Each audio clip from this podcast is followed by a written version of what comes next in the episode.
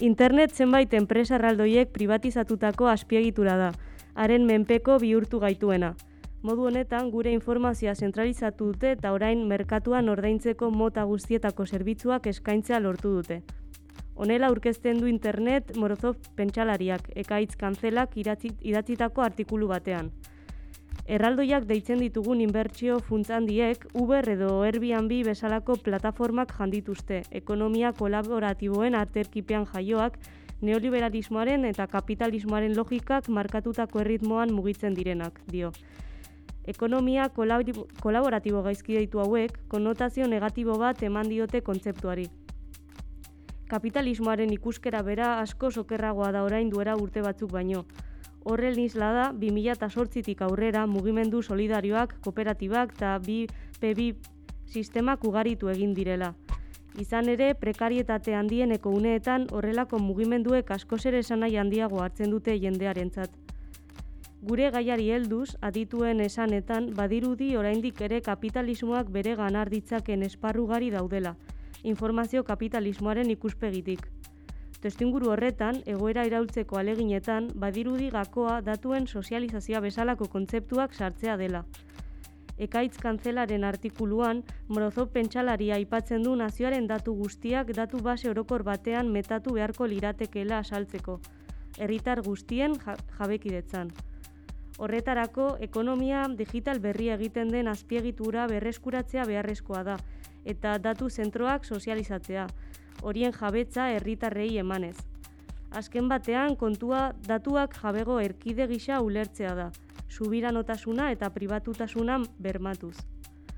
Bere aldetik, Iago Alvarez eh, kazetariak deita laibor kontzeptua hitz egiten du, datu lana. Jendeak enpresa teknologiko handiei eta sare sozialei balioa gehitzen dieten datuak sortzen konturatu gabe egiten dugun lanari buruz hitz egiteko eta kontua eza idazten duguna kontrolatuko dutela, aratago doa. Gure bizitza soziala mapeatuz lortzen duten onura da, eta horrek adimien artifizialaren erabilera berriekin batera, zientzia fikziozko estenatoki beldurgarrietara eraman gaitzake. Ekoizpen harremanak eraldatzea baina ez da kontu errasa. Odeia kontrolatzen duten erraldoien aurka egitea sistema osoa teknologia burujabetzaren ardatzetik antolatzea eskatzen baitu eta nola egin daiteke hau. Ekaitz kantzelaren artikuluaren hildoa jarraituz, azpiegitura berreskuratuz eta datuen jabetza herritarroi emanez. Ekonomia digital berriaren eredu horretan, kooperatiba bezalako ereduek zentzu handi hartzen dute. Jago albarezek asaltzen duen bezala, plataforma kooperatiba gisa definitutakoa lau hartatzen gainean eraikitzen da. Lehenik enpresaren jabetza demokratikoa, Adibidez, Airbnb egoitzen jabeen izatea litzateke, baina baita kooperatibarekin konprometitutako beste pertsona batzuekin ere. Kontsumitzaileena adibidez. Bigarrena, software libreko programazioan oinarritzea. Kooperatibak behin eta berriz berrasmatzea eta garatzea albidetuz. Hirugarrena, plataformaren baterako diseinua. Eta laugarrena, gobernantza demokratikoa langileak konpainiaren jabetzaren hartzaile esezik plataformaren prozesu osoaren parte izan daitezen. Hala ere, egoera iraultzeaz gari garenean, kezka orokor bat dago, neurri bater arteen ulergarria ere badena. Balio aldu Facebook edo Google ordezkatuko ez duen proiektu batek, Jago Albarezek hausnarketa oso interesgarria egiten du honen inguruan. Kezka ulergarria bada ere, kontuan izan behar dugu hipotesi bat besterik ez dela, ez bai dakigu noizbait ordezkatzera iritsi, iritsiko den edo ez. Gaur egun proiektu oso onak daudela dirazten du, agian online eraman tamainaz eskalatu eta edatzera lortuko dutenak. Horrekin batera, epe laburreko ikuspegiaren garrantzia ez dugu lastu behar dio. Epe luzerako ikuspegia funtsezkoa den arren, imaginari horiek behar ditugulako, ez dugu astu behar oraintxe bertan zer egiten dugun lor dezakegun eragin positiboa epe laburrean delako batez ere. Isteko, ekaitz kantzelak, Morozofen hausnarketatik tiraka egiten duen hausnarketa bat.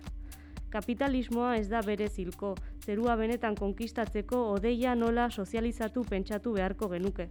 Dakizuen bezala, odeia ez da existitzen, beste norbaiten ordenagailua da.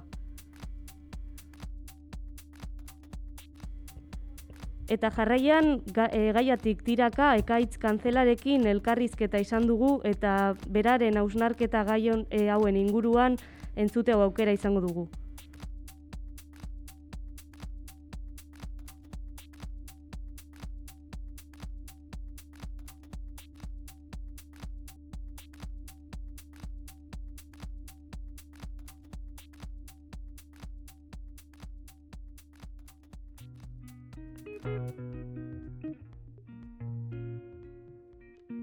Zergatik da beharrezkoa gaur egun buru jabetza teknologikoari buruz hausnartzea? Ba, buru jabetza edo soberania teknologikoak erradikala izateko almen dugu. Eta, eta hori lortzeko e, e, borrokatu behar dugu. Gaur egun, e, esan nahi hegemoniko kapitalista eskuratzen dagoela e, pentsatzen du. Macron, Merkel e, edo, edo Europako teknologiaren ustez e, buru jabetza teknologikoa e, enpresa handian defendatzea da fraimen, fraimen edo markoren horren arabera, merkatuaren lehia izugarria da. Ez dago kontsumismoa, ez den beste eskubidearik. Hau da, zerbitzu digital asko daude, baina denak e, privatuak dira. E, e, non daude, desberdintasunak. Zertarako behar ditugu e, Europako teknologiak kapitali, kapitali, kapitalistarik gabe, no? Europa, Europako e, buru jabetza teknologikoa Txina e, eta estatu batuen aurka borrokatzeko proiektu e, e, euro, da. Eh? Ez dago herritaren herriak konektatzeko eskubidea edukitzearen alde. Bakarrik Google edo Facebooken bidez. Beste, beste paradigma eh, erradikala, eh, radikal bat behar dugu. Altruista, eh, oikoa, eh, kolektiboa, eh, eta eta zure galderari e, erantzuteko e, buru jabetza teknologikoa teknologikoari buruz hausnartu behar dugu kapitalismoarekin bukatzeko. Gizaki bakoitza aplikazioak erabilita merkatuaren gehigarri bihurtzen dela esan genezake ez? E, zer egin daiteke zehazki horren aurrean? Bueno, eh, gizarte mugimenduak eh, parte garrantzitsua izan dira eh, subira, subiranitasun teknologikoaren kontzeptuan. Uh, arazoa da mugimendu horiek eh, ez zutela jakin haien alde egiten agenda politikoa falta zitaizelako. No? Anarkismoa, eh, proposamena interesgarriak ditu. Baina zerbait egin behar dugu estatuarekin. Bota beharrean, no? Eh, gizarte mugimendu batzuek ez, ez dute zinezten, baina teknologikoa libre eskalatzeko eh, estatu erakundea edo erakunde politiko alternatibo behar dugu, no? Azpiritura publikoa behar ditugu, odei, eh, odeia, aldin artifiziala, big data, Silicon Valleyko enpresei eh, aurre egiteko. Eh, Gizarte utopiko batean, baina eskautu estatuak funtzio akarra izan behar du, no? Alternatiba demokratiko eta eta publikoak finantzatzea, eh? eta bigarrenik eh, independentzia teknologikoaren faktore garrantzitsuena eh, ekoizpena harreman kapitalisten e, e, eraldaketa da. Eh, privatetasuna funtsezkoa da, e, privatutasuna giza eskubidea da. Eh, baina gauza gehiago behar ditugu. Ala nola datuen jabetza komuna. Eh, horrela datuak eh, erabil eh, ditzakegu estatua er, eraldatzeko. Bai, baina nola, no? Eh, burokrazia, burokra, burokrazia baino, baina alternatiba eh, koordinatatuago eskaintzen dute arazo politikoak konpontzeko. Estatuak ulertu behar du eh, kolektiboki eh, erabiltako datuek zentralizazioa gutxiago behar dutela. Eh, sentitzen dut, eh, esan beharra dago, estatuaren monopolio de la violencia desagertu behar da eta hori eh, agenda teknologikaro teknologikorako urrats bat ez ezik politikoa ere izango ditzateke, no? Eta eta hauek dira eh, bide bakarrak. Azken batean, ekoizpen harremanak karo digitarean eralatzea sari gara, baino nola egin behar da hori zehazki? Ba, erantzun hori erantzun hori komplexu, komplexua da, eh? baina horrezo modu eh, ideologia teknokapitalista osendartsua da, horreintze bertan, e, baina egia da, gizartearen arazoi konponbide realak eskaintzen dizkiela. Individualismo, e, sare sozialak ala Facebook. Pobrezia, e, deskontuak Amazon plataforman. E, desberdintasun kronikoa, lan prekarioak uberren. Alinazioa, e, Netflixen arpidetza. Eta horrela, urren ez urren, no? Baina, baina gauza garrantzitsua bat azpimarratu behar dugu, irtenbide horiek arazo gehiago e, sortzen dituzte. Gaur egungo teknologiek e, logika ustitzaileagoa sortzen dute. Horrela, e, kapitalistaren arazoak konpontzeten dituzte. Eta ideologiak baliabide asko lortu ditu enpresa horietatik teknologia, teknologiaren eta kapitalismoaren mesederako e, munduaren, munduaren ikustegia esartzea. ideologia hori hain da indartsua komunikabideak ere ez dakitela zer esan, no? Testu inguru honetan, erastu, erantzuna datuen sozializazioa bezalako kontzeptuetan argitu genezakela esan dezuleno. E, baino badaude alternatibak jada, ez da? Bai, e, Barcelona edo, edo, edo, edo Amsterdam, no? Bai, e, bueno, Barcelona eta Amsterdam e, aipatzen nuen artikulu batean, no? E, badakizu, eta ekimen horiek aitzindariak izan dira datuak herritaren e, ondasun publikoa gisa ulertzen. E, Francesca Bria, e, Barcelonako Barcelonako bultzaileetako batek, plataforma pribatuen e, erabiltzaile, utxak baino zerbait gehiago ginera uste zuen, no? Datuen jabetza eta buru jabetza datuek e, egiratuako jende, jende artean. Eta buru jabetza teknologikoa edo teknologiaren autogestioia e, eredua iz, ikustegi politiko bat da. Hori zen bere, bere ustea. Eta hiri horien e, arrakastarik handiena paradigma aldatzea da. Eta Smart City, izatetik Rebel City, Rebel Cities izatera, izatera, no? Eta paradigma horrek eh, estatuak erabili behar du erraldoi eh, teknologikoi eh, aurre, aurre egiteko.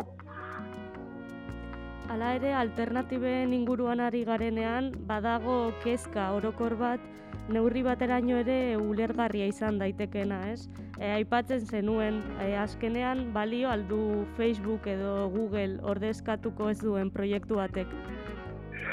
Bai, eh, jakina, jakina Google eta Facebook plataformak eh, iragazietan klink egiteko eh, diseinatuta daude. Eh, ezin ditugu diseinatu eh, gizarte koordinazioa desberdinak zerbitzu pri, pribatuen kontsumoa sustatzen duten algoritmoak erabiliz.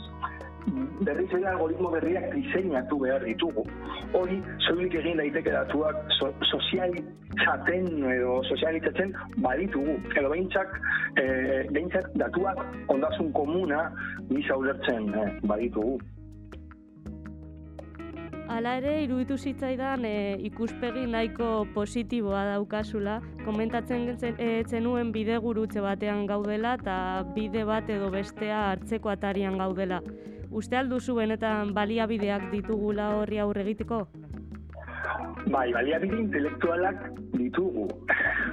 Berriro e, e, eren askatuta eta aserre gaude. E, eta markada baten ondoren eta aldatu hobeta hobeto aprobetxatu behar dugu krisi, krisi egoera hori. Kapitalismoa eh, gainditzeko agenda kolektibo baten inguruan eh, antolatu eh, behar dugu. Osondo, osondo. Ba, benetan, benetan interesgarria, e, artikula egon ginen e, irakurtzen, eta hori, e, benetan aipatzeutakoak oso, oso interesgarriak, eta eskerrik asko beste behin elkarrizketa egiteagatik. Na, ez horregatik. Ez dakit beste, beste xozerre aipatu nahiko zenukeen, elkarrizketa maitu baino lehen edo. Ba, e, bo, gauza bat, e, liburuan gauza bat, edo, bueno, eta, eta liburua, baina teknologia, teknologia garatu dut eta e, interesarria da. E, ustez. Nola, nola da izena? E, bueno, ez, ez, ez dago GitLab, baina nik teknologia bat garatu dut e, lagun batekin. E, aldizkari ofizialak eskerapeatzeko eta enpresa pribatuei zenbat diru publiko ematen zain nertzeko, no? Aldiz, aldizkari ofizialak arpidetu ditugu, e, azpie azpiegitura teknologikoak, baina baita osasuna, hezkuntza, energia ere, no? Nola privatizatuak diren ulertzeko. E, teknologia, teknologia horrek e, helburu politikoa bat du. E, daukagun estatu mota era, erakustea. Ondo funtzionatzen duela eta demokrazia benetan bermatzen duela, irudien zerbait ez dela hain ondo ulertzen laguntzen digu, no? Eta eraldatu behar dugun erakundean neoliberala da. Indar gabetu genezake noski, baina, baina egunaren amaieran erakunde, erakunde bat behar dugu. Eta telefonika, indra, bezalako kapitalistei botere digital guztia desjabetzeko eta herritaren artean banatzeko. ez dago ez, ez, ez, ez dago gitlaren, baina, baina kodigoa daukat eta, bueno, oso interesgarria, baina publikoa orduan ulertzen dut oraindik ez dagoela publiko, ez? No, no, bidal di, di, zuket, baina ez dago publikoa. Artikuloa batzuk e, dago, el salto eta la marean, baina eta base eta base datos publikoa publikoa da, e, pero hilabete batean, hilabete batean. Vale, vale, ba, primeran, oso ondo. Ba, eskerrik asko beste behin eta hurrengo bat arte. Zuri, zuri. Vale. Oso eskerrik asko ondo izan. Agur.